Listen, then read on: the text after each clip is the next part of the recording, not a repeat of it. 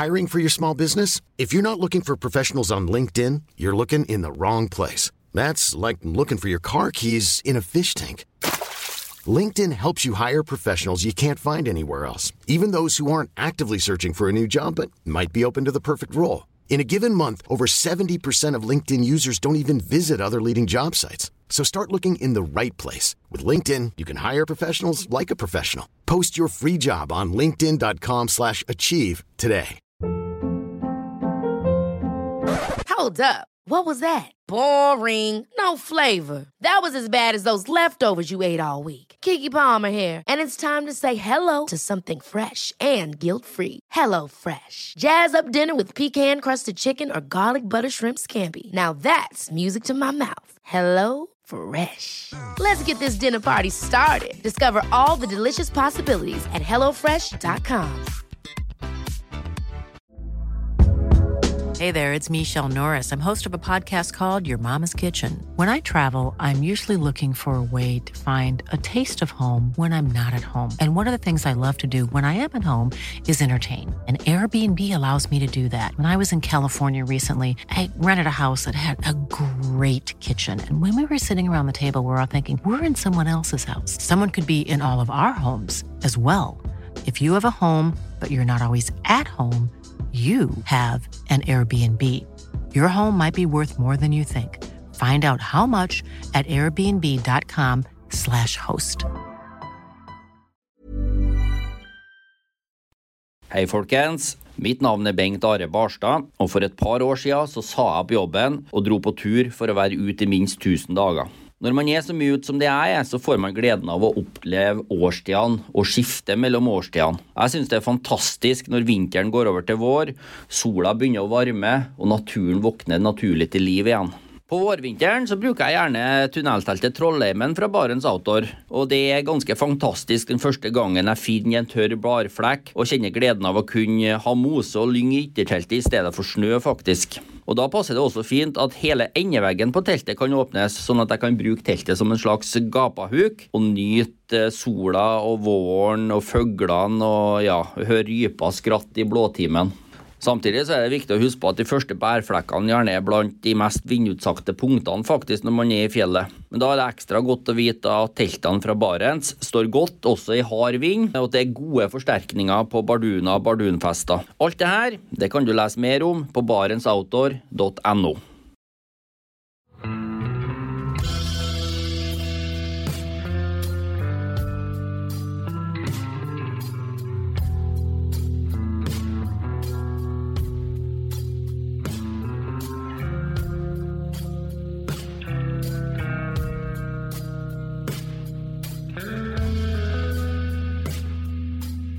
Hei og velkommen til podkasten Uteliv. Mitt navn er Randulf Valle. Temaet for dagens episode er sommerturer til Finnmark. Eh, et utvida Finnmark, tror jeg vi kan si, etter hvert som vi kommer i gang. Eh, at vi har et litt sånn avslappa forhold til land- og fylkesgrenser. Og dagens gjest er Jan Eilert Pettersen. Velkommen. Takk. Ja. Um, det er jo For noen uh, måneder siden så hadde vi en episode om vinterturer i uh, Finnmark. Uh, de som ikke hørte den, kan jo bla tilbake der for å høre litt mer om deg, Jan Eilert. For du, du og samboeren bodde jo flere år i Finnmark. Mm. Og lagde ei bok ut fra det. Mm. Mm. Mange turer og opplevelser og, som vi samla mellom, mellom permer. Mm. Og med naturbilder og eh, historier, da. Mm. Og eh, da eh, Den boka er jo til salgs i nettbutikken til podkasten Uteliv, i signert eh, tilstand, og er jo en fin sånn inspirasjon for dem som kunne tenkt seg en tur til Finnmark. Og det er ganske mange som, som ofte spør, rett og slett, altså hvis jeg skal til Finnmark kanskje et par uker om sommeren. Hvor skal jeg dra? Og det er sånn djupest sett kanskje litt det vi skal prøve å svare på her i dag. Mm. Men, men, det som man kanskje kan si først, er at det spørsmålet 'hvor skal vi dra?' det er jo veldig tett knytta til 'når skal vi dra'? Ja. og hvem du er. Mhm. Og hva som er interessa. Er det, er det fiske, er det padling, er det, er det jakt, da, for eksempel, eller hva er det du er interessert i? Og så når, når, som du sier, det handler jo om mange ting. Ikke minst insekter. Mhm. Det gjør det. Men, men hvis vi liksom legger på en måte tenker at vi har alle frihetsgrader, bare for å komme med et enkelt svar på spørsmålet sånn helt fra start, så tenker i hvert fall jeg at hvis du er litt sånn, litt sånn villmarking, fiskeinteressert, vil rusle litt, vil ha litt plass og litt muligheter, og det er første gang du skal til Finnmark, så tenker jeg kanskje at å gå inn på Ifjordfjellet i slutten av juli, starten av august. eh, Med litt sånn åpent forhold til hvor du skal og hva du skal gjøre. Det er et veldig sånn fint første møte med turlivet i Finnmark. Ja, det kan være en, bli en bra tur. Der har du jo eh, nok av fiskevann. Eh, Du får eh, helt sikkert eh, noen gode fiskeopplevelser. Det finnes områder i Finnmark med kanskje enda større fisk, og, men du kan få de virkelig store ruggene der òg. Og så er det jo lett å gå. Det er jo flatt og Eh, og i den tida på året, hvis du har Det kommer jo litt an på sommeren om det er eh, mye insekter eller ikke, men da begynner det å dabbe litt av i august, ikke sant? Og, og så er det ofte et lite vinddrag der, og det kan bli en veldig fin tur. Eh, tett, ja. tett, tett mellom fiskevannene, og du har òg mulighet til å, til å gå liksom til du får mer fjellterreng eh, lenger i vest. Altså for det, det området her, eh, Ifjordfjellet og Laksefjordvidda, altså det, det ligger jo måte øst for Lakselv. Og eh, på nordsida av Tanadalen. Eh, og det går det vei på begge sider av området. Det går buss både over Ifjordfjellet og ned Tanadalen. Begge deler kan være et utgangspunkt da, for, for en tur inn i det området her. Absolutt. Så, så det er på en måte sånn litt sånn kort, eh, kort overforenkla svar på et veldig stort spørsmål. Mm. Men så, så er det jo eh, sånn at eh, av forskjellige grunner så er det jo ikke alltid at den der ideal, ideelle tida på sommeren er tilgjengelig for folk, da. Så det, det kan jo være at, eh, at du ikke kan ta eh, liksom fellesferien juli, tidlig august, til, til en egotripp. Og, det er jo mulig å spre en sånn barmarkstur i Finnmark utover et veldig stort tidsrom. Mm. Eh, Jeg husker da vi snakka om vintertur i Finnmark, så sa du at når det, når det begynte å nærme seg mai, så var du egentlig lei av vinteren og begynte å søke mot sommeren. Altså, hvor, hvor starta sommersesongen hen for deg? Ja, når han, eh, når han har fjellsko i stedet for skistøvler. Eh, og det varierer jo hvor du er hen, ikke sant. Vi prata om det på vinterturen, at i Pasvik så, så, så skjer det i, eh, i mai, mot slutten av mai. Eh, og ved kysten, kanskje. Og, mens oppe på Varangerhalvøya eller Laksfjordvidda eller de høyere viddeområdene, så er det jo vinter mye lenger. Eller snødekt mye lenger. Eh, der er det sånn fjellvår. Eh, våren, våren i Finnmark, det er jo sånn eh, Mange beskriver det som at du har, eh, har vinter, og så plutselig så er det sommer. Altså du har ikke, du har ikke hvitveis og det, det, er ikke, det er ikke en sånn lang vårperiode, da. Noe som egentlig er sant. Det er litt sånn fjell, fjellvår. Det- Det er jo vår med snø, da. Det- Ikke sant? Snøen er annerledes og Og så går det veldig fort, og så er det Ja. sommer. Ja. Mm. Men, men Pasvik er jo et alternativ, og, og langs kysten så er det jo ofte mulighet for å starte sommersesongen ganske tidlig. Sånn eh, i slutten av mai, kanskje. Og, og det er jo kjent for å være veldig godt fiske akkurat idet isen går. Eh, ja. um, I Telemark eller sånn museørefiske, vet ikke, kjenner du til begrepet? Ja, når bjørkelauet er like stort som museører, så, så kan du begynne å fiske. Ja.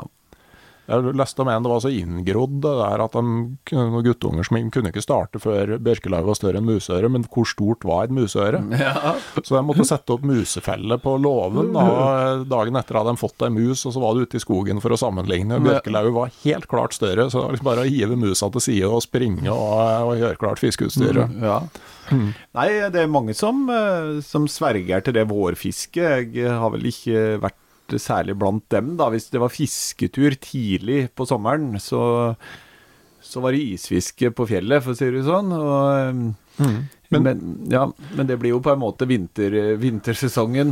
Ja, nei, så Hvis du skal se på noen områder, så er det jo sånn som Pasvik. da. Eh, det, hvis du planlegger finnmarkstur veldig tidlig, um, hvis du vet at det er liksom tidlig i juni eh, som er vinduet du har, så er det nok lurt å ikke være helt bastant på hvor du har tenkt å dra.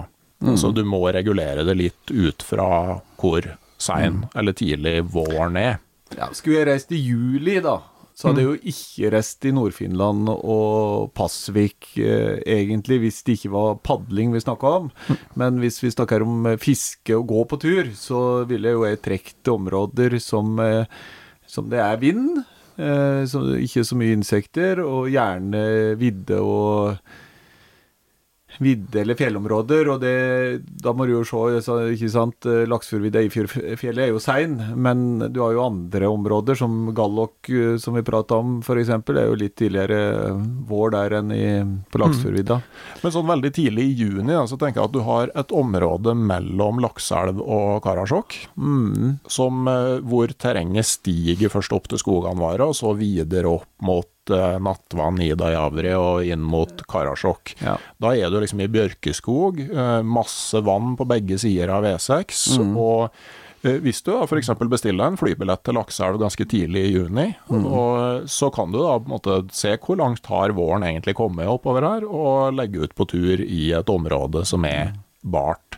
sammen med en del områder i indre strøk, oppover langs Anarjoka og for så vidt kanskje innover mot Kautokeino, at det kan være fint tidlig i juni, før myggen kommer. Eh, og så har du også kystlinja, da, eh, helt på starten av sesongen, som òg er en mulighet. Mm. Så, uh, og, og det med å ha to alternative planer, eh, det kan òg være noe som kan være greit seinere på, på sesongen òg, altså med tanke på vær og, og vind. At eh, på de kystnære og høyfjellsområdene altså er det meldt nordavær og fire plussgrader og tåke og regn.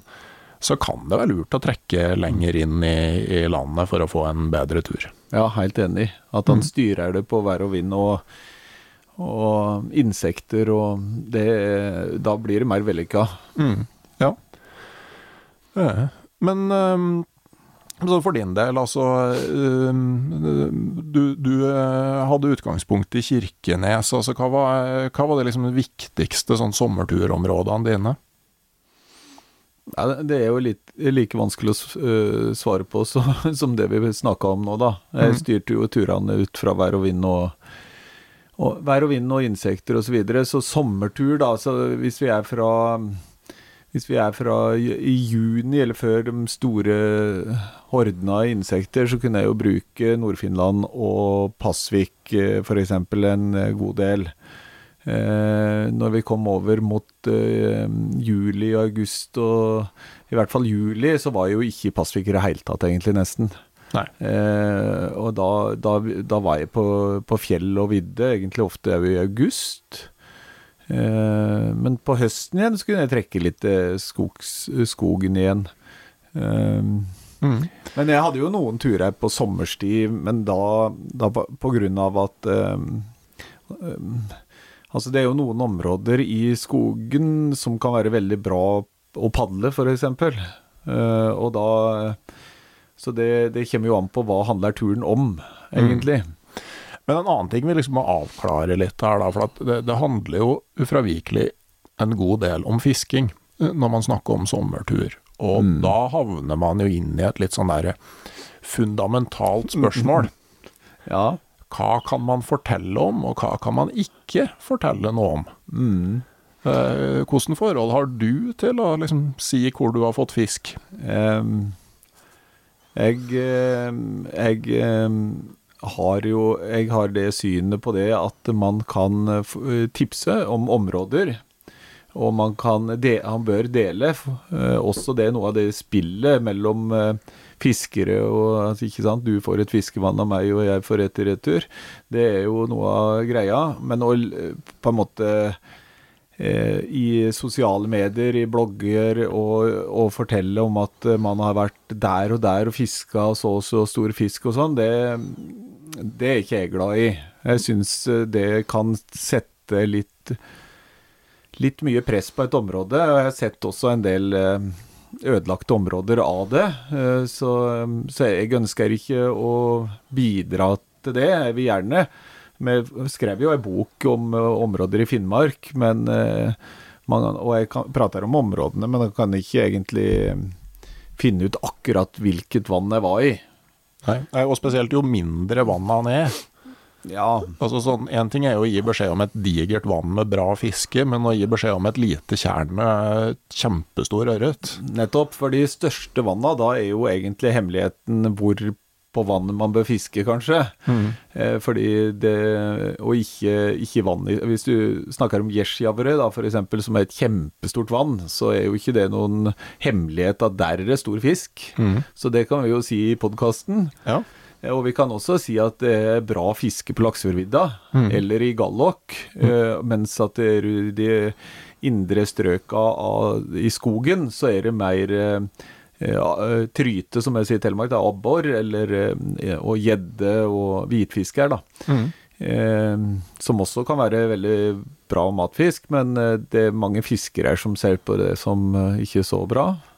Men eh, du har jo lært opp ungene dine til det her òg, for jeg var innom og spiste middag hos deg før vi dro opp på ei hytte i skogen for å spille inn de episodene her. Og eh, jeg spurte, spurte ene gutten din eh, hvor han hadde fått fisk hen, så hadde han et sånn lurt glimt i øyet når han eh, fortalte hvor den var tatt hen. Ja, da, da har en lært opp til det, hva han skal svare på det. Eh, fordi at eh, Så da, da, da jugde han egentlig ja, til deg. Det var ikke der han hadde fått de store fiskene. Eh, Ja, og, det, og det skal være på en måte et svar som er, kan være tilforlatelig. Ja, du må ikke si at eh, Du må ikke si at eh, Ja, det vil jeg ikke si. Da blir jo folk nysgjerrige og prøver å finne det ut. Du må, du må gi et troverdig svar. Og helst da noe som folk kan være fornøyd med. Sånn at de kanskje får en fin fisk der. Eh, Det var ikke så hemmelig, men det var så, så det er noe av spillet. Og så er det noen ting vi deler. Noen ting kan man dele i ei bok, og andre ting Så jeg er helt sikker på, Randulf, at du òg har dine hemmelig vann eh, som du ikke velger å dele til eh, til kona en gang. Det er- eller, eller i hvert fall veldig sånn restriktiv på, da. Ja, og så tror jeg vi, vi er jo på linje med det her at du kan dele måte, et område og gi tips om mange vann i det området, men du, du kan ikke gi ett enkelt tips om ett lite vann. Uh, og så er det en forskjell på ting du har funnet ut sjøl, og hemmeligheter du har fått av andre. Nettopp. Det, det er sånn, ok, jeg kan godt tipse deg om et fint fiskevann oppi her, men jeg kan ikke tipse deg om et fiskevann jeg ble fortalt av en eh, fiskekompis i all hemmelighet. Det må jeg holde kjeft om, selvfølgelig. Ellers så bryter du kodeksen. Mm, og da får du ikke noe flere hemmeligheter. Nei, du gjør jo ikke det. Nei, og så er det jo litt det der som du beskriver, altså når du møter folk på tur, og deler en kaffekjel ved bålet, så det starter jo veldig fort. Det, det er et morsomt sånn mentalt spill, det Ja. å utveksle tips. Ja, jeg har mange opplevelser med det. Jeg husker en gang jeg kom Det var i det området her. Jeg kom gående med Og jeg hadde tre fisker i ryggsekken. Den var på røye på 1,8, 1,2 og Jeg husker ikke, men det var i hvert fall alle var over kiloen. Og den, den største var nesten to i, i ryggsekken. Og så møtte jeg en kar. Og han, eh, han jugde så til meg, da. om, om jeg hadde vært i det og det vannet, og så sier jeg at nei, jeg har ikke vært der, der er, er det fisk der, ja. Nei, nei, nei, der er bare skiftenøkler, sånn. Det er sånn stor tue og lang, tynn kropp. Og makki, ikke sant. Den ene var verre enn den andre til huget. eh, og så så vi på hverandre i dyp respekt for at vi holdt hemmeligheten, men begge visste vel egentlig at den andre visste. Ja. Så eh, jeg liker den greia der. Eh, Sosiale medier, det er jo sånn fiskesider nå, ikke sant. Grupper. Hvor kan jeg dra hen og fiske på Og da skal en være hyggelig, må jo hjelpe folk ut og stimulere et eh, turliv, men, men ha litt sånn Gjøre sånn som de gamle fjellfolka har gjort bestandig, ikke sant. Det har tatt vare på noen moltemyrer og noen hemmeligheter også. Men én ting som på en måte Finnmark kan tilby, som du ikke finner så mye andre steder i Norge, er jo god plass. Og et område som jeg tenker på som litt sånn der eh, miniversjon av Alaska-Canada, det er jo området en sør for Karasjok, Kautokeino, eller sånn inn, indre strøk Anarjokka, som jo er et veldig, ikke minst et sånn spennende område for padling. For du har kildeelvene til Tana som kommer der, og du kan lage deg, altså, lage deg noe virkelig villmarkseventyr. Ja, hvis, du- hvis, du hvis du er interessert i eh, ødemark, og være aleine og eh, padling, eh, så, og kanskje ikke først og fremst eh, vandring og sportsfiske, ikke i hvert fall enkelvandring, da, eh, så er jo det, det er absolutt et område som man kan eh, utforske. Mm. Og det er jo eh, Etter Schengen-avtalen så er jo det å krysse grensa over til Finland og eh, blitt eh, uproblematisk, og det gjør jo at du kan, kan legge opp en del artige turer. eh, Jeg har fortalt om før, altså Hilde og jeg padla Karasjokka fra finskegrensa, eller først inn til starten av Karasjokka, og så fulgte den ned. Eh, og, og det kan du jo du kan, Det er mange sånn artige ting du kan gjøre med kildeelvene til Karasjokka. Folk, folk som har fulgt Anarjokka oppover og inn i Finland. Og, og du har, det er liksom bare å se på kartet og, eh, og prøve seg fram. Og så av og til så råker man jo borti veldig mye bæring og veldig mye slit, men jeg tenker jo at det, det er jo òg en del av gamet. Absolutt, og jeg tenker jo det å, å se på grenseområdene eh, Det var jo en av grunnene til vi valgte Kirkenes, eh, fordi at vi vil ha store skoger, og Pasvik er ganske lite. Men eh, hvis du drar med deg Vetseri-området i Nord-Finland, så blir det ganske stort villmarksområde. Eh, Kalduaivi, Gallok snakka vi om i, i vinter. Eh, og så hvis du har eh, så har du Anarjoka, Lemenjoki, ikke sant? Det, og enda nærmere Kauto over mot uh, Halti-området. Og, og hvis du ser på de områdene med, at, med mulighetene det kan gi på begge sider av grensa, og at du kan egentlig bare klatre over gjerdet, og så, du, så fortsetter jo naturen på andre sida. og eh, da kan du få noen flotte opplevelser. Du og, du og eh, daværende samboer, nåværende kone, eh, padla jo fra Nord-Troms til Kirkenes, gjorde dere ikke det? Jo, eh, ja, hva heter det stedsnavnet? Jeg husker ikke akkurat, men det var jo Troms, og så bar vi over til ved Halti. Altså det er Lapskarmen, da. Og så kom vi over i et vassdrag der på finsk side som heter Letaseno Poroeno, tror jeg, og går ned Det renner ned i Muniojoki, så padla vi nedover der. Og så fikk vi en bæretappe på ti mil omtrent. eh, På ti mil. ja. Eh, da lå vi igjen kanoen. Vi, Når vi kjørte bortover til Troms, så lå vi ut en alikano i, med noe flaske cola og litt proviant eh, i, eh, i eh, kildene til Ivalojoki. Mm -hmm.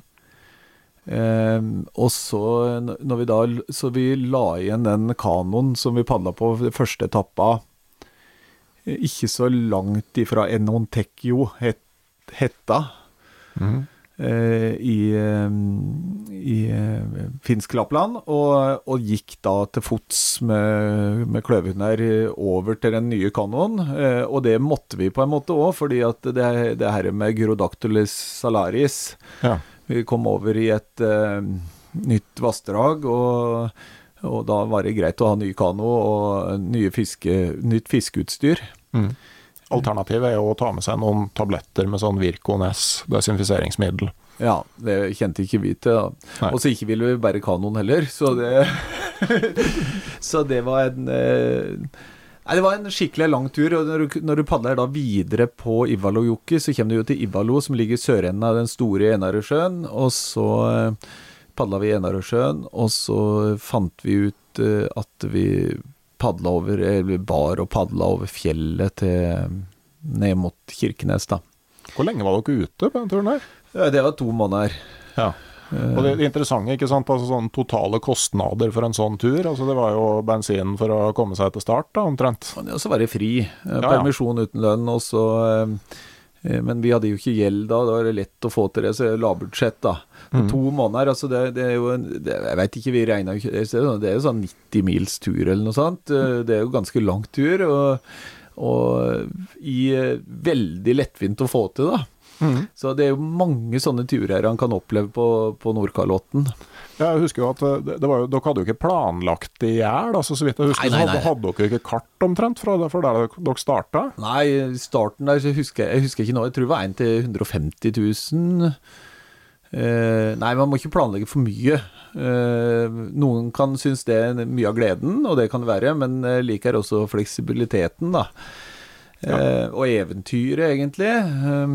At man på en måte Så det, det var det en flott tur. Det som var spesielt da, når vi padla den, det var jo at det var tidenes tørreste sommer. Mm. Så det var, jo, det var jo mer Cecilie sa jo det er jo mer stein enn vann i denne elva. Mm, mm, mm. Og da hadde vi jo slitt i Jeg veit ikke hvor mange mil, jeg. Men det, det satt preg på den turen, da. Ja. Eh, at, eh, og det, den som har padla litt, den eh, lærer seg også det at det er ikke noe enklere nødvendigvis å padle ei grunn elv uh, enn at det er litt trøkken. Mm. Så um, Men det er noe av eventyret, det òg. Ja. Nei, og sånn på norsk side òg. Altså, I dag er jo der packraften blitt veldig utbredt. og ja. altså Anárjohka-området med Eh, lett oppakning og packraft. Mm. Da kan du lage mye spennende eventyr eh, der, altså. Helt klart. Det vi hadde jo med uh, våre to hunder den gangen, en grønlandshund og en malamut, uh, som uh, oppi kanoen. Uh, jeg vet ikke hvordan det hadde funka i packraft. Det, det går an å ha med hund der òg, ja. ja. det gjør det. Så du mm. kan få litt større båt og ha med seg en kløverhund. Mm. Ja, for det det, vikt, det, var en viktig del av Var ikke han eh, Var det Odin eller Fenris som klemte foten under et av spantene i første, det første stryket, og deretter var redd for stryk? Ja da, det stemmer det. Han, eh, han var sånn som reiste seg i hvert eh, stryk, da. Mm. Og du vil jo ikke ha en sånn vandrende bikkje i kanoen i stryka. Så, og en gang så hadde han også ganske stort sånn jaktlyst, da, egentlig, så han hoppa ut av kanoen for å prøve å ta i gås i Muniojuki. Så, men han, han, var en sånn Det sleit med resten av livet, egentlig. Han altså, Så fort det var litt bevegelse i duken der Å, fytti katta, da er det jo best å komme seg opp. Mm. Så, Før man blir bitt i tåa. Ja, ja. Nei, det, det var jo sånn etter at uh, vi fikk unger, altså i en sånn uh, 18-fots alley, så fant vi ut det var plass til uh, utstyr eller sånn, plass til to voksne, to unger, det man trengte av utstyr og to grønlandshunder. Ja, da er det trangt òg. Da var det trangt. Det var ikke noen lange padleturer da. Nei, nei. Det var ikke 90 mil. Det... Nei, jeg husker jo eh, Enarøysjøen, da, f.eks. med Ally. Det var en sånn 16,5 fots vi brukte. da. Mm -hmm. Så er du på Enarøysjøen, så, eh, så er det jo, det er jo et sånn innlandshav, på en måte. Det er jo det er jo store båter, og, og, det er eh, store bølger. Når det blåser opp, så blir det skikkelig stygt, da. Mm. Så det var på nød og neppe noen ganger der at vi Ja, må ligge ja. litt værfast på en sånn tur. Ja. Mm. Jeg har hørt om folk padle som liksom har blitt Padle om natta, og det er litt sånn Du har jo opplevd det her mange plasser, men Eh, det er jo noe av turen. Det er jo det litt at du må liksom føle på vær og vind og litt denne greia. er fint, da. Og det, det er jo en treningssak òg. Eh, det å lese naturen på den måten. Og der uh, gjør en jo erfaringer ettersom man er på tur. Og det um, Det er en sånn ny, klassisk nybegynnerfeil, kanskje, å pushe, pushe på for hardt, da. Ja, og det er kanskje òg sånn generelt øh, når du planlegger dine første store villmarkseventyr, så har du lyst til å rekke over for mye på for kort tid. Mm. Så det er kanskje noe sånn når du planlegger, spesielt hvis du skal gå fra et sted til et annet. Mm. Altså, ikke legge opp så du må gå eh, ti timer hver dag og må gå forbi eh, storørreten som står og vaker inne hos og eh, sånne ting. Enig i det. Og, og, og bestemme seg hva handler turen om. Mm. Altså, eh, noen har det jo sånn at de får klemt inn en, eh, en vintertur da, på ei uke. Og da vil de gjerne oppleve alt. Altså, de vil ha isfiske, og de vil ha toppturer med randonee, og de vil hundekjøring, og det, liksom, det lar seg ikke forene allting.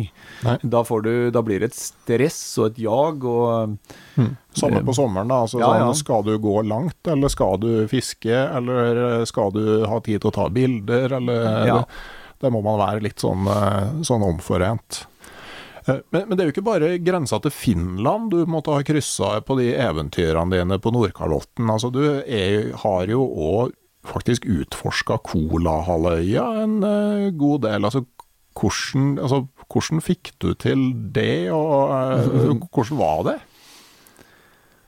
Nei, vi eller heil, var jo helt ned til Sarek, egentlig, var hele Nordkalotten, og så helt øst på Kola, Kolahalvøya, da. Ja, Det er jo betydelig enklere sånn logistikkmessig å komme seg til Sarek enn Ja. til Kolahalvøya på, på, på sånn Absolutt. egen padletur. For vi snakker jo ikke om at du var på fiskecamp her. Nei, nei. Nei, vi, jeg fikk jo, når vi flytta til Kirkenes, så tok vi jo klistra noe kart over Nordkalotten på veggen.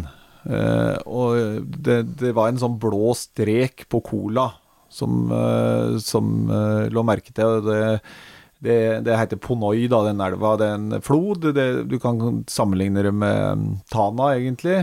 Men den renner av midt over Kolahalvøya.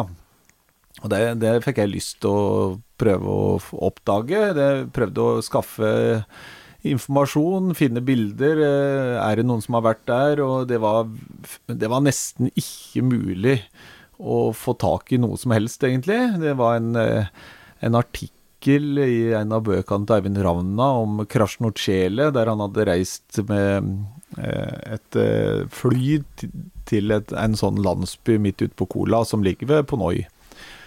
Og så fikk vi tak i en russer som eh, Men vi snakka jo ikke russisk, så det var jo veldig sånn vanskelig å innhente. Og han hadde et par bilder og, videre, men det var ikke noe Hva heter det? Sånn eh, Google-tjeneste du kan gå inn Nå kan du jo gå inn der og se åssen det ser ut i Så så det var jo, Vi visste jo ikke hva det her var. Er, det furuskog, er det bare bjørkeskog, er det tundra hele veien? Vi visste ingenting.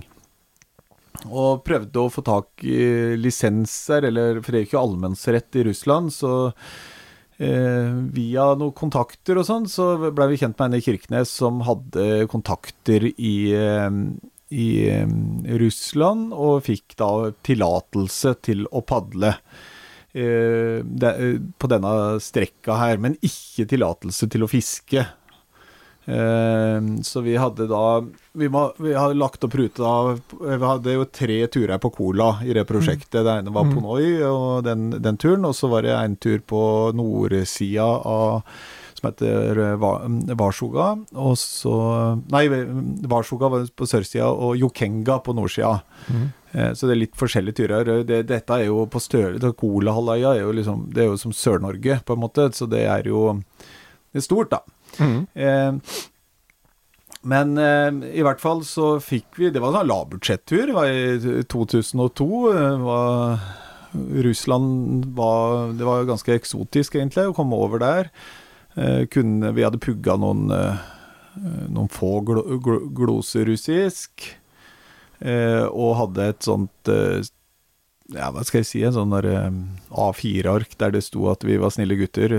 Det var jeg og, jeg og Tommy Båtstrand eh, som gjorde den turen, da. Og, og der sto det vi, er, vi passerer her, vi er på eventyr, skal padle over Kolahalvøya, vi har lisenser, eh, og det, sto, det var jo sånn veldig Ja, sånn vi kunne vise bort, da, ikke sant? Um, dem fikk vi også bruk for, faktisk, for det var det var jo noen landsbyer vi måtte forbi. Og vi var jo advart da veldig mot å reise inn i de områdene, egentlig.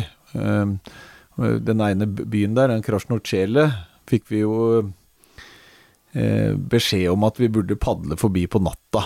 Mm. For det var over eh, Jeg tror det var, over, var i hvert fall over 50% alkoholisme. Mm. Eh, og eh, litt sånn fattigslig, og de hadde vært i militæret, fikk vi beskjed om, at eh, Nato var den store fienden. og og vi kom der uten å kunne språket, og, og så videre. Så det, og 'people disappear in cola every year', var liksom, det fikk vi beskjed om. Ja. Så vi var, jo, vi var jo ikke så Det var jo spennende for Con å reise på en så lang tur i seg sjøl. Altså, vi hadde ikke erfaring med 30 dagers turer den gangen. Det var nytt for oss. Og så i tillegg så hadde vi den derre ja, Planen var jo da å padle ut hele Kolaløya og bli henta med ei haike, egentlig. Med et sånt uh, helikopter med fiskere tilbake. Men plan B var jo hvis det ikke kom noe helikopter, for det stola vi ikke helt på, så måtte vi kanskje padle helt ut til Kvitsjøen. da, Padle Kvitsjøen til Arkangelsk, da. Hva, slags distanse snakka vi om da? Nei, jeg, jeg, har ikke peiling, men det var i hvert fall uh, Mange hundre kilometer? Ja, det var jo det, Nei, kanskje, kanskje vi snakker om sånn uh, det er 50 mil på Noi, og så hvis du kommer ut til kysten, så kanskje det er snakk om uh, ja, 700-800 km til, da. Som Ja. du fikk i bonus når provianten var slutt. Saltvannspadling. Ja, så, ja, saltvann. Så det måtte vi finne ut av, egentlig. Men eh, vi Så den, det å padle mot et punkt du ikke er sikker på om du blir henta fra, eh, ikke 100% i hvert fall, det, det var en spenning i turen. Eh, og i tillegg til det å være på, på en lang tur i seg sjøl, det her med eh, point of no return, ikke sant. Eh, og vi hadde eh, kart, da, ikke sant. Så hadde vi jo russiske militærkart igjen til 250 000. Og, og bare finne vassdraga. Vi skulle jo følge ei elv, vi skulle padle oppstrøms eh, ei elv, og så skulle vi bære over til neste vassdrag og havne ut, som da munna ut i, i Ponoi, da, og det er jo Begynner jo som en bekk da når vi kom over, og så fortsatte den jo På slutten så er den jo som Tana, da, som en flod, egentlig. Større. Mhm. Så um, kjempeopplevelse. Som, eh, Men altså Ponoi, altså de som eh, fisker laks, eh, mange som har hørt om Ponoi. Mm. Det, det er jo legendarisk lakseelv. Men dere hadde altså ikke lov til å fiske der, dere da? Nei, det var tjuvfiske, da.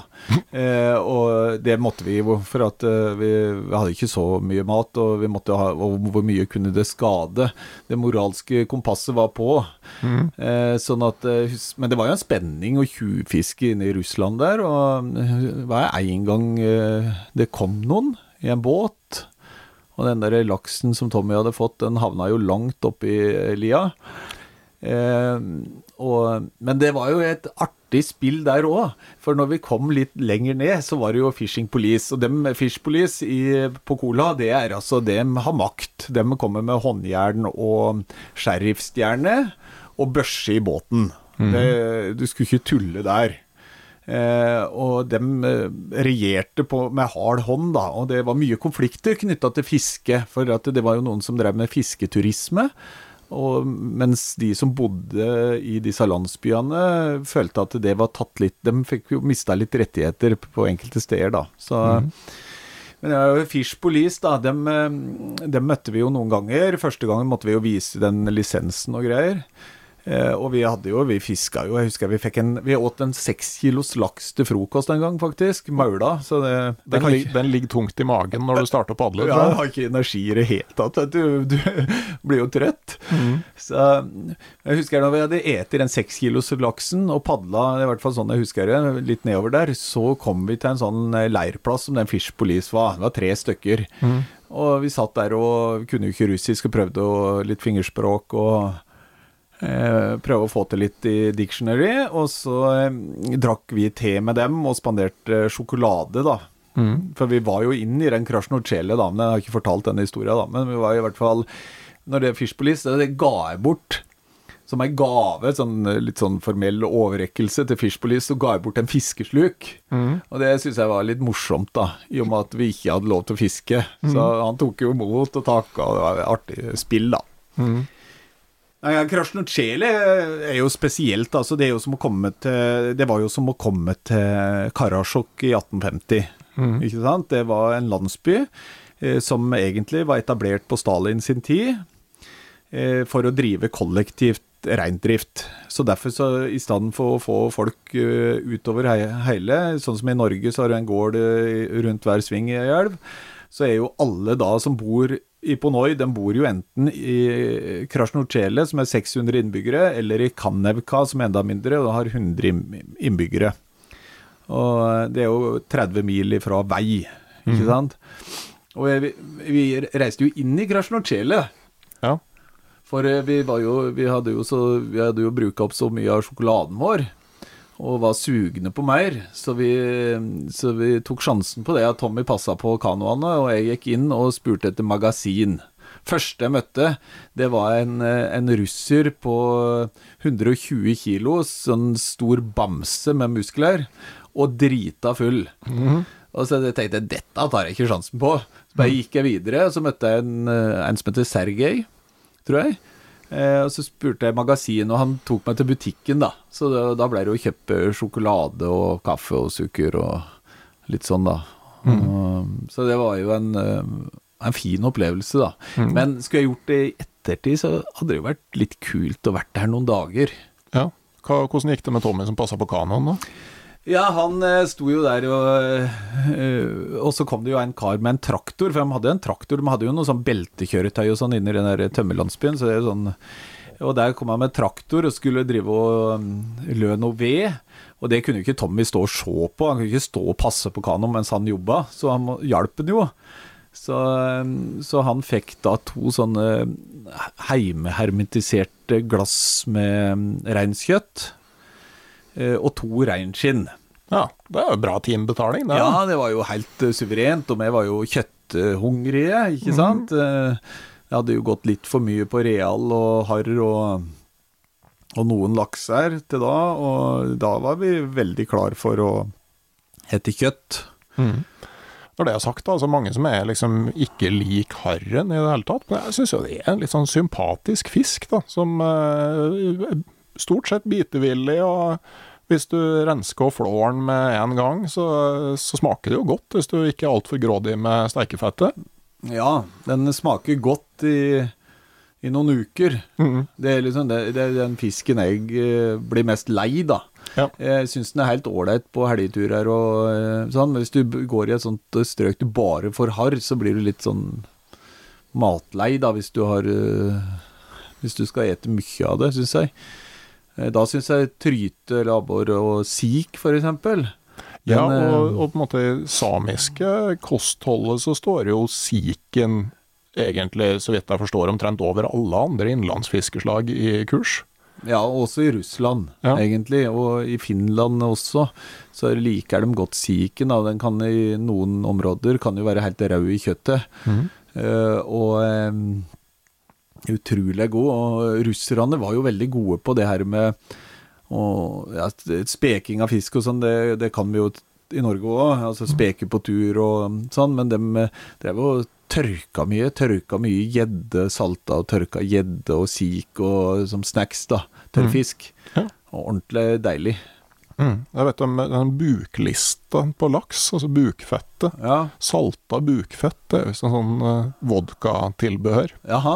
Ja. Mm. Og det er vel også noe med Du skal ha lest om det der fettet på tarmene til abboren. Mm. At uh, det var sånn du kunne liksom rive av og koke og spise, og skulle visst være fryktelig godt. Ja vel.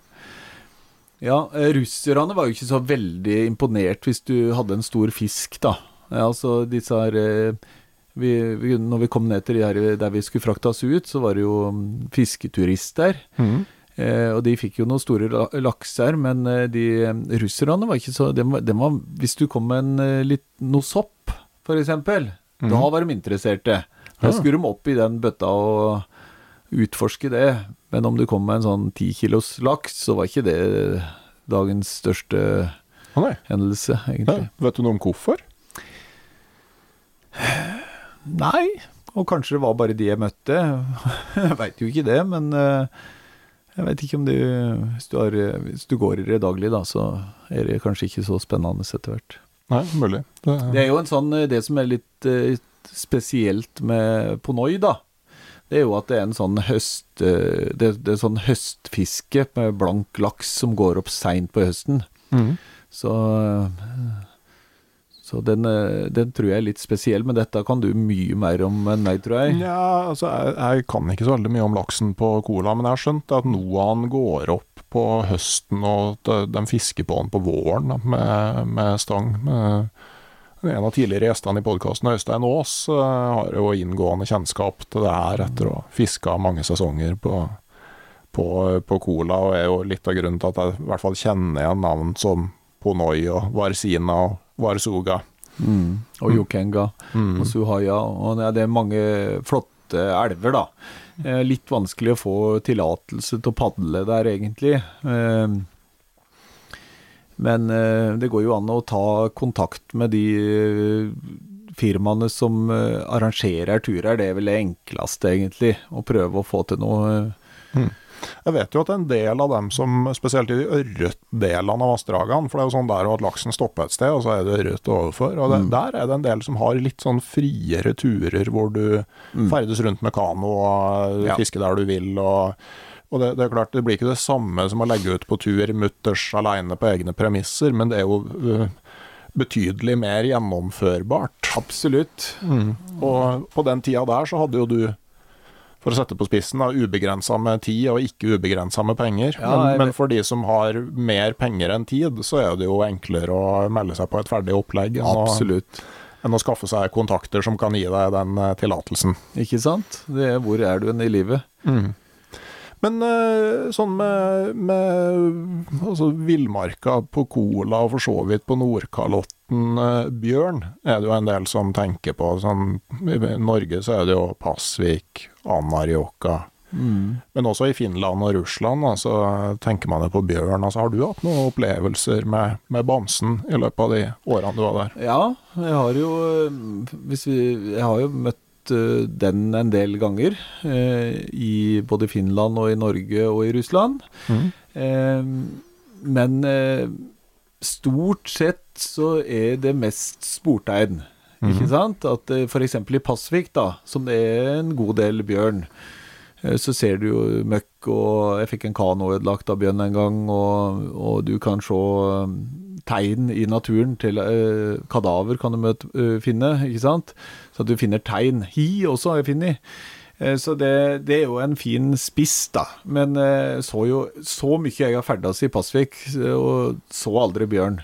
Så det sa meg jo at den er Du skal ikke lage så mye lyd, da. Og forflytte deg så veldig mye før den stikker. Men jeg syns jo det var på tide å få bilde av bjørn i Pasvik, så jeg reiste jo ut på fotojakt, da på natta, egentlig, og posterte ikke så langt fra vei. Bevegde meg ikke så langt fra veien da, og posterte ved store myrer. Bruka kikkerten flittig og leita, og da, da Det er eneste gangen jeg egentlig har sett bjørn i, i Pasvik. Ja, men sjøl da så kom jo bjørnen på en måte og lura deg litt. Ja, ja.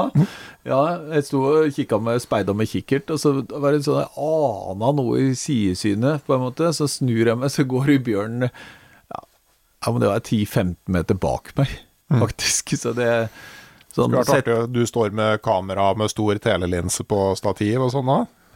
Nei, jeg hadde på frihånd, da. Ja.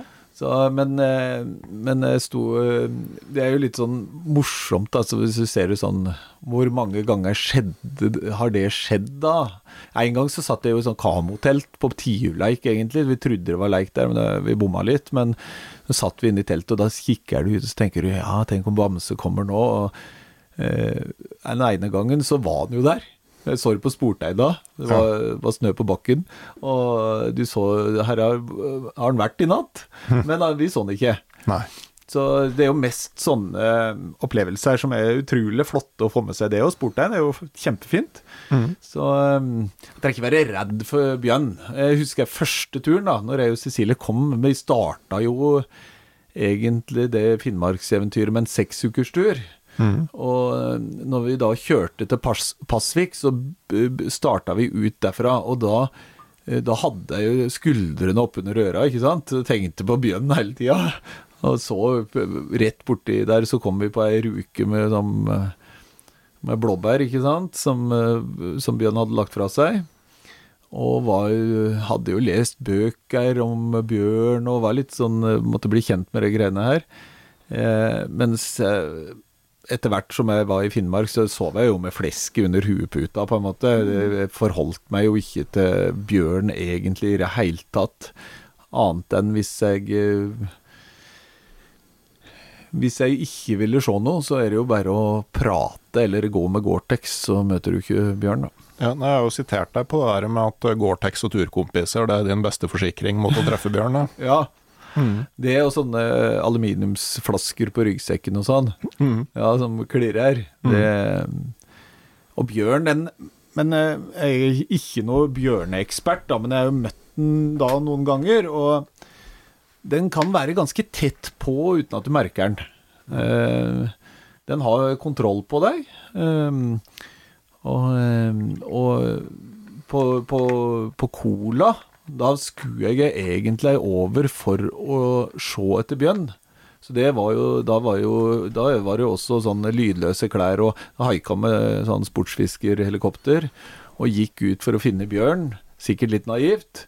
Og speida med kikkert og sånn, og så ingenting. Og da jeg kom tilbake til leiren da, så, eller like før leiren, så satt det da en eh, sånn konfirmant, eh, sånn bjørn, eh, halvannetåring, og huka seg ned bak ei gran som et menneske, ikke sant?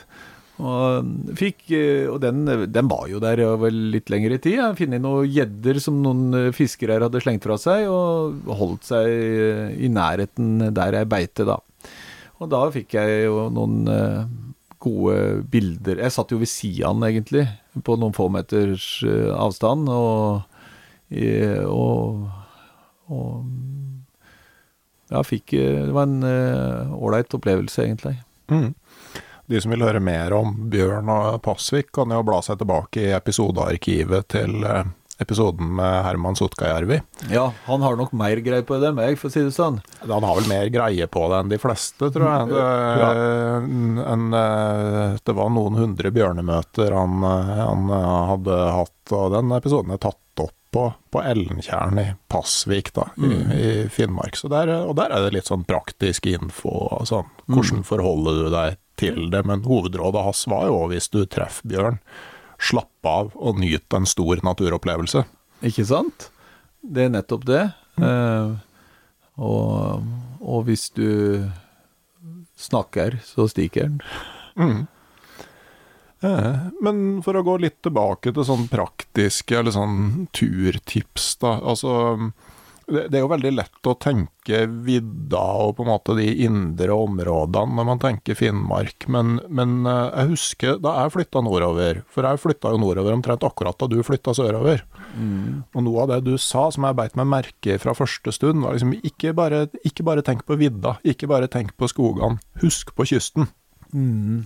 Og det ble egentlig veldig sånn førende for mine opplevelser. At mm. uh, jeg ble veldig glad i Finnmarkskysten. Mm. Og, og, det er en sånn uh, greie som altså Indre strøk fra sankthans og noen uker framover er intenst myggbefengt. Mm. Men på kysten du får omtrent ikke et myggstikk. Jeg er helt enig. og det, og, Så sommeren likte med kystvidda, da, for å si det sånn. Uh, det er, det er, fantastisk. Og bare den der følelsen Vi prata så vidt om det i vinterepisoden nå, det med rype og måke i samme biotop, og du har fjellrypa helt ned i, mot sjøen. Mm. Eh, er sus over det. Ja. Eh, kan lage fiske småsei og lage seimølje, og så går du 300 meter, og så kan du fiske ørret og røye. Ja. Mm. Og de områdene der som eh, Det er mange perler i, i Finnmark særlig på de der kanskje ikke vi er lengst inn, men det er jo noen som er et stykke fra vei òg. Mm. Både smålakselver og gode fiskevann og Ja, interessant landskap. Altså, Ja, sånn, det som, sånn som du har Nordkinnhalvøya, som da, hvis du er ute etter litt sånn der rekordpunkt, så har du jo Norges nordligste fastland på Kinnarodden. Ja. Det er en sånn grovt merka rute hvor du da kan starte rett fra flyplassen i, i Mehamn, sånn at logistikken er veldig enkel. Og det er et veldig sånn eh, spektakulært område Ja. som er veldig fint når det er fint vær. Og så er det jo havskodda som er på en måte nemesis for, eh, for kystområdene. Er det stille og fint, så kommer skodda fort sigende. Og det, det er mange fuglefjell og sånn å se òg, ikke sant? Eh, For å fotografere og Det er veldig mye spennende der, og du- du får uh, veldig mye på samme turen. Og uh, det er å Bare en tur innom Hornøya er jo en opplevelse Ja. utafor Vardø. Ja, ikke sant? Kommer veldig tett på fuglene, og kanskje den kuleste naturopplevelsen som jeg hadde i Finnmark, i hvert fall mest spesielle, det var å snorkle med Lomvi ved Hornøya. Mm. Liksom undervannsfoto av fugl. Ja. Det var, det var Og de kom tett på, altså. Og så, kan du jo reise, hvis du er på, på Va- Varangerhalvøya, da, så kan du jo reise fra Vardø da og ut uh, til Hamningberg, eh, og så gå innover fjellet der. Uh, Det er jo ikke sånn kjempefiskeområde, men det er fint landskap da å vandre i. Mm. Husker jeg vel ikke ja, Sandfjordelvdalen eller et eller annet sånt? Det er Jo, ikke noe stemmer. sånt. Sandfjordelvdalen. Det, det er fint landskap, da. Nydelig. Jeg tok, jeg tok en del rypebilder oppe i Sandfjordelvdalen. Altså der eh, Og jakta med kamera, ikke sant. Eh, Og jeg tok jo da vidvinkelbildet av eh, fjellrype. Ja, Altså, med telt i bakgrunnen. Du var fotograferte for Hilleberg på den tida. Ja, der, jeg, jeg. gjorde det. Ja, jeg var en sånn ambassadør for Hilleberg og prøvde å ta noen sånne Der, der ser du, altså. Du var influenser før begrepet var oppfunnet. Drev blogg og, eh, Ja, det er og, og var, var liksom eh, en av influenserne til Hilleberg. ja, det er- det er du- pinlig. Ja, du og Kim Kardashian som starta hele Men, greia, men faktisk. Hilleberg-samarbeidet var jo en fest for meg. Ja. Eh, fordi at det var jo sånn at de, de, de tok først kontakt med meg, og at de ville kjøpe et bilde. Nei, de ville, ikke, de, de ville ha tak i et bilde, og så ville de ikke betale for det. Og det var ikke jeg interessert i, men så kunne jeg bli sånn eh, eh, ambassadør, da. Så jeg lurer på om jeg fikk ti telt av Hilleberg til slutt. Og Jeg tror de brukte ett bilde. Ja. Det var veldig godt betalt da, for en villmarking. Og flere av de telta har jeg fortsatt. Og, og, så Hilleberg-telt, og jeg liker også helsport-telt, så det er ikke noe sånn Jeg har ikke noe men, eh, men det er jo Du får ikke du, Alle som ferdes mye i telt, veit det at du, det holder ikke med ett telt til alt. Nei. Da, og de fikk jo på en måte den eh, De fikk jo da eh, influenseren som delte bilder av telta deres. På den tida så var det sosiale medier foto.no. Men, Ja, eh, ja. men du ser, det er ikke noe forskjell på deg og dagens influensere. Nei, nei. Bare at jeg ikke har rosa tights. Ja, det det. Hvem vet hva du tar på deg når ingen ser det? Det var det vi burde gjort, vet du. Ja, ja. Vi hadde jo blitt skikkelig tøft. Ja. Nei da, men tilbake til, til kysten, da. Så, så, så er det Jeg har jo eh, på samme dag fiska i saltvann og fotografert fjellrev. Ja. Ikke sant? Mm. I eh, samme område.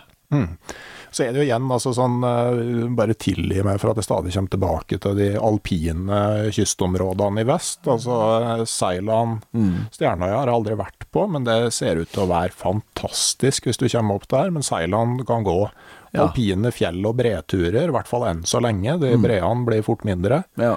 Og så har du Sørøya, som nå har ei sånn merka fotturrute fra nord til syd. Og den tar vel en sånn fem dager hvis du går det fort. Hilda og jeg tok også Sørøya på langs, vi brukte tre uker. Da gikk Ja, vi på kryss og tvers i tillegg, da, og det, der er det mye å gå og se på på kryss og tvers. Ja. Og kajakk, da. Eh, for å ta Altså, vi drev jo ikke med det, for vi hadde bikkjer, og det var liksom et annet type friluftsliv.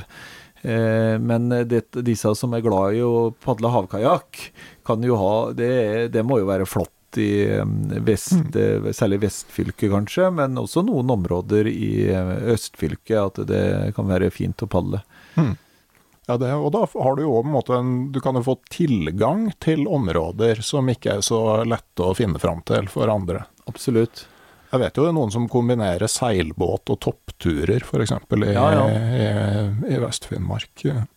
Så det er jo, eh, er jo ganske tøft. Ja, og istedenfor å trakte inn i inn i mygghordene, ikke sant, så reise ut på kysten er jo Ja, det er jo ikke noe å lure på. Nei. Og så er det jo ikke sant, utover på seinsommeren så har du en del sånn, også i Vest-Finnmark, en del områder som ligger en del høyere til, til fjells. Og så du har jo de områdene som ligger måte, mot grensa til Troms. Jeg sier noe til Troms fortsatt, sjøl om det er blitt to fylker. Ja, ja.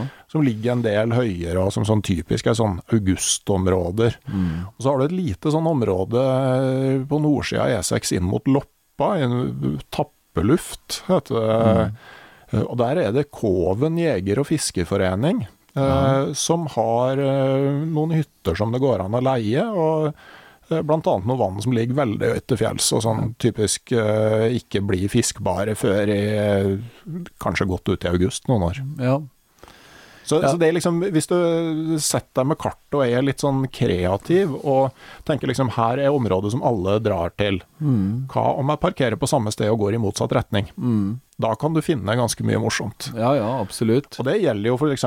der vi, eh, der vi starta anbefalingene på Ifjordfjellet. Altså hvis du parkerer der og går nordover i stedet for sydover, utover mot Tanafjorden, så er det òg altså ikke kjempestore områder, men du trenger ikke nødvendigvis så veldig store områder heller. Nei, det, det er viktig å gå sakte nok. Mm. Å kunne være i et eh, Det, det har jeg blitt flinkere til ettersom knærne ble dårligere. Men å være kunne være, eller bo litt i et område, da. Og ikke jage gjennom det. Det er viktig, det. Ja, altså det er i hvert fall sånn, eh, sånn litt sånn Det slår jo på en måte begge veier, da. At av og til, hvis du legger en veldig sånn tydelig målsetning på turen, da, sånn som når dere skal padle fra Nord-Troms og hjem, da, så har du jo et visst forflytningspress når du skal tilbakelegge 900 kronglete kilometer i løpet av en sommer. Og det fører jo litt til at du må haste forbi plasser hvor du kunne tenkt deg å være lenger. Absolutt. Og det er jo litt sånn som kan være litt frustrerende, men samtidig, det at du legger den ramma på turen, det øh, gjør jo at du havner inn i områder som du ellers aldri ville besøkt. Så, så det er en sånn tosidig sak, da. Absolutt. Ved å legge et litt sånn tydelig prosjekt, eh, et målsetning, ei rute du skal fullføre, så havner du på plasser du aldri, ellers aldri ville eh, kommet borti. Og kanskje da Altså, jeg har jo noen sånne plasser langt oppe i Karasjokka som jeg vet at eh, der skal jeg gjerne brukt mer tid. Da. Det, det, områdene ligger jo der. Ja da, og det, men hvis du pra prata med finnmarkinger òg, så var ofte jeg fikk den der Ja, du er jo mer kjent i Finnmark enn vi er. Mm. Eh, For jeg hadde farta litt i litt mange områder. Men jeg er jo ikke det. Det er jo bare at han har spredd seg utover i litt større grad, da. Ja, og det, altså Finnmarkinger er jo som alle andre, at Ja, du, ja, du, holder, du holder deg til det som er kjent. Går ofte de samme turene flere ganger. Sånn at øh, de, de har liksom gjort én tur mange ganger, men, men, øh, men at det er litt sånn typisk at den som kommer flyttende til øh, Ja. ser seg litt mer eh, rundt, da, kan, kan ofte være. Så, og så er det jo det, ikke sant, altså hvis du er nysgjerrig på Finnmark og liksom ikke helt vet hvor du skal starte, så liksom start et sted.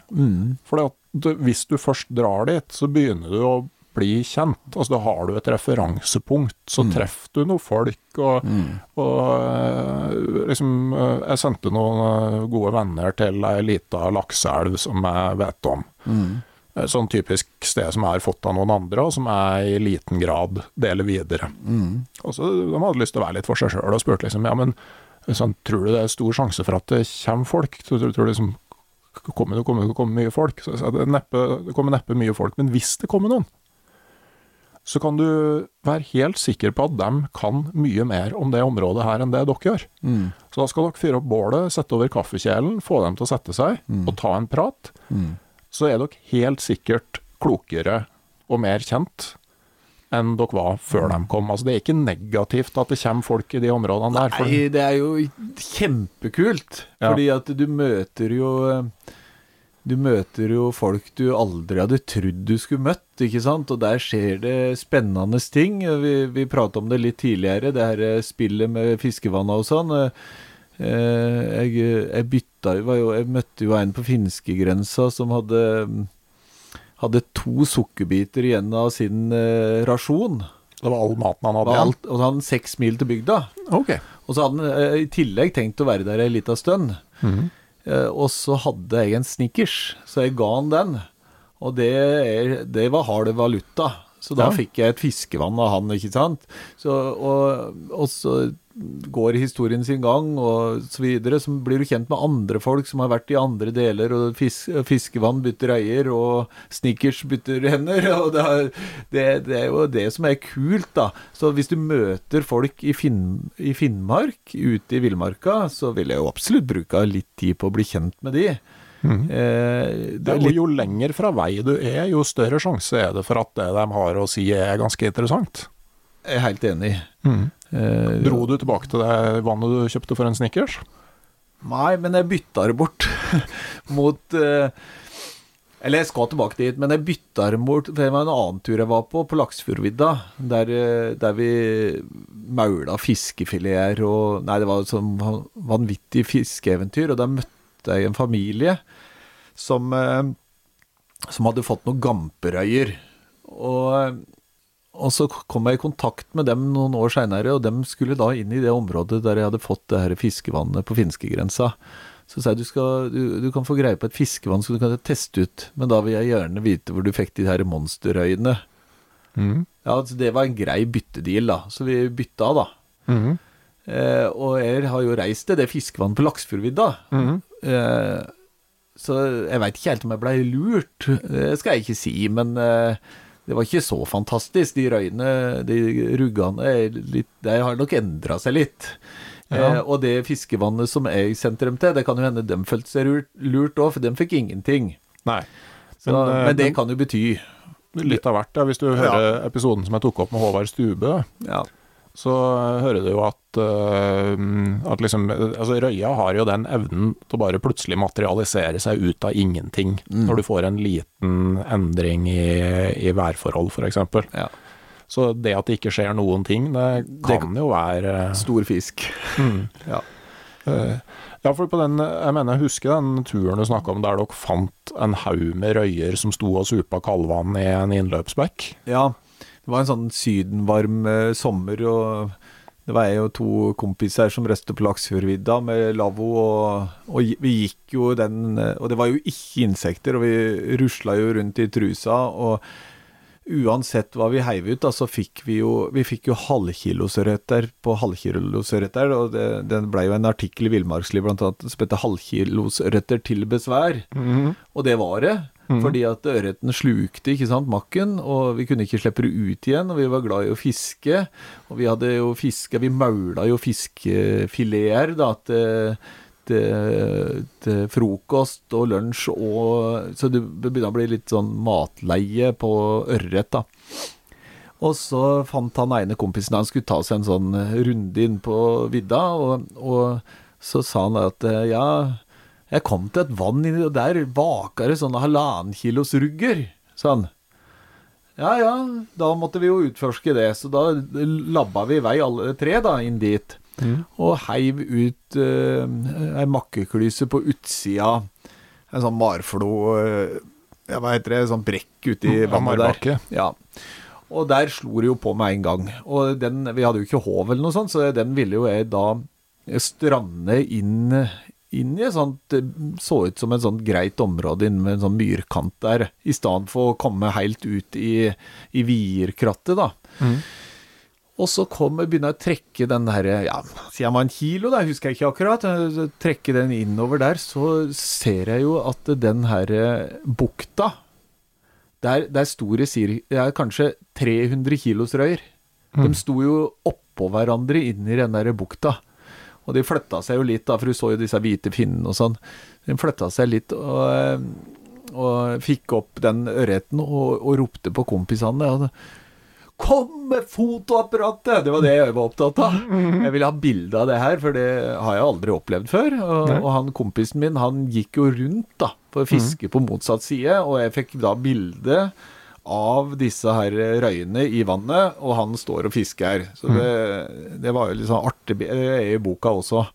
Eh, Og så skulle vi jo prøve å lure disse røyene som var svimeslått i varmen, ikke sant. Eh, og det vi gjorde til slutt, da, det var jo å ha, ha sånn eh, veldig kort eh, fortom på, på dupp. Sånn at eh, de fikk eh, makkeklysa sånn rett foran eh, munn. Det, men det, det, da litt sløv tok hun over og beit, da. Og Nei, vi fiska så mye røye. Altså, det var ikke sånn det var, de, de var nok De så nok større ut, for det, det var sånn 900 gram her omtrent, men det var jo mange av de. Og det, det var jo fisk på fisk på fisk, så vi måtte jo bare slutte til slutt. Jeg fikk litt fiskefeber. Bikkjen åt fisk, og jeg var så lei fisk at Men det, det var et eventyr, da. Mm. Og sånne eventyr finnes det fortsatt av mange av i Finnmark. Altså, det, det er jo det som er litt av magien. Altså, vi kan uh, ha gitt deg noen tips nå på hvor du kan uh, starte ditt eventyr. Uh, og litt på hva fylket har å tilby. Og så finnes det mer info i to bøker som du kan kjøpe i nettbutikken hos podkasten Uteliv. Det er de bok, uh, Jan Eilert Pedersen, 'Nord i villmarka'. Den er til salgs, og så har jeg lagd ei bok som heter 'Friluftsliv i Finnmark'. Begge to er mulig å kjøpe hos podkasten Uteliv, og eh, ja, et greit utgangspunkt for å starte sitt eget eventyr og oppleve mm, villmarka i nord på egen hånd. Og det er absolutt verdt å få med seg. og så må de jo, de som da reiser til Finnmark, da, må jo gjerne fortelle om det, selvfølgelig. Men vær litt klok, da. Ja. Når, du, når du skal publisere det på Instagram og rundt om, at eh, det, det fins jo Vi har jo opplevd det, både jeg og du, Randulf. Det fins jo fiskevann som er helt ødelagt pga. at han har vært for eh, offentlig på stedet. Og det er ikke nødvendig. Eh, Og det ødelegger kanskje bare opplevelsen for de som kommer òg, for de mister eventyret. Ja, for noe av eventyret Altså, det artigste er de perlene som du finner sjøl. Absolutt. Så um, det skal, ikke være, det skal ikke være Du skal få tips, og han skal dele og sånn, men han må være litt klok i sosiale medier, særlig. Mm.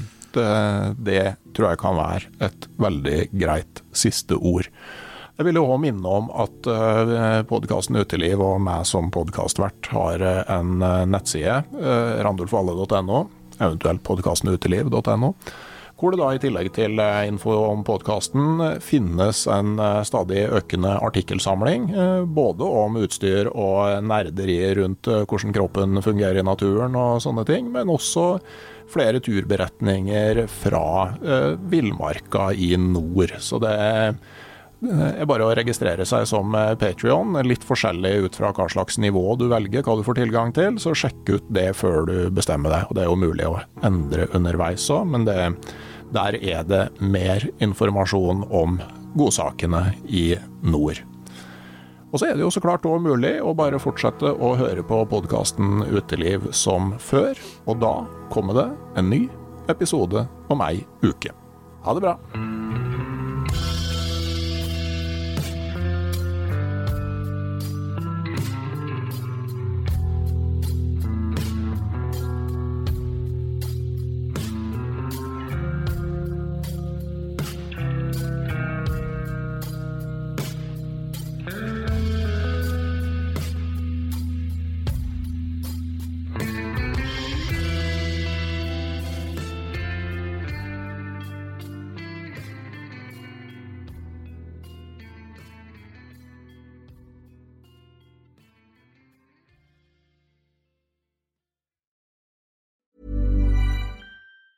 Even on a budget, quality is non-negotiable. That's why Quince is the place to score high-end essentials at 50 to 80% less than similar brands. Get your hands on buttery soft cashmere sweaters from just 60 bucks, Italian leather jackets, and so much more. And the best part about Quince, they exclusively partner with factories committed to safe, ethical, and responsible manufacturing. Elevate your style without the elevated price tag with Quince. Go to quince.com slash upgrade for free shipping and 365-day returns. Hold up. What was that? Boring. No flavor. That was as bad as those leftovers you ate all week. Kiki Palmer here, and it's time to say hello to something fresh and guilt-free. Hello Fresh. Jazz up dinner with pecan-crusted chicken or garlic butter shrimp scampi. Now that's music to my mouth. Hello Fresh. Let's get this dinner party started. Discover all the delicious possibilities at hellofresh.com. Hei, jeg heter Nore Helligsen og er daglig leder i Barents Outdoor. Det beste vi kan gjøre for planeten, er å redusere forbruket vårt og få mer ut av det utstyret vi allerede har. Men vi vet av erfaring at bruken av telt kan endre seg over tid. Det teltet du kjøpte for to år siden, passer kanskje ikke det behovet du har i dag. Derfor har vi i Barents etablert en egen panteordning der vi tar imot brukte telt av god kvalitet i innbytte når du kjøper et nytt av oss. Prosessen er enkel. På barentsoutdoor.no gir det oss informasjon om teltet du vil bytte inn. Basert på det får du et tilbud fra oss som gir deg rabatt på ditt neste Barentsprodukt. Mer info og betingelser finner du på barentsoutdoor.no. Og husk at den første reparasjonen på produkter fra Barents er alltid gratis.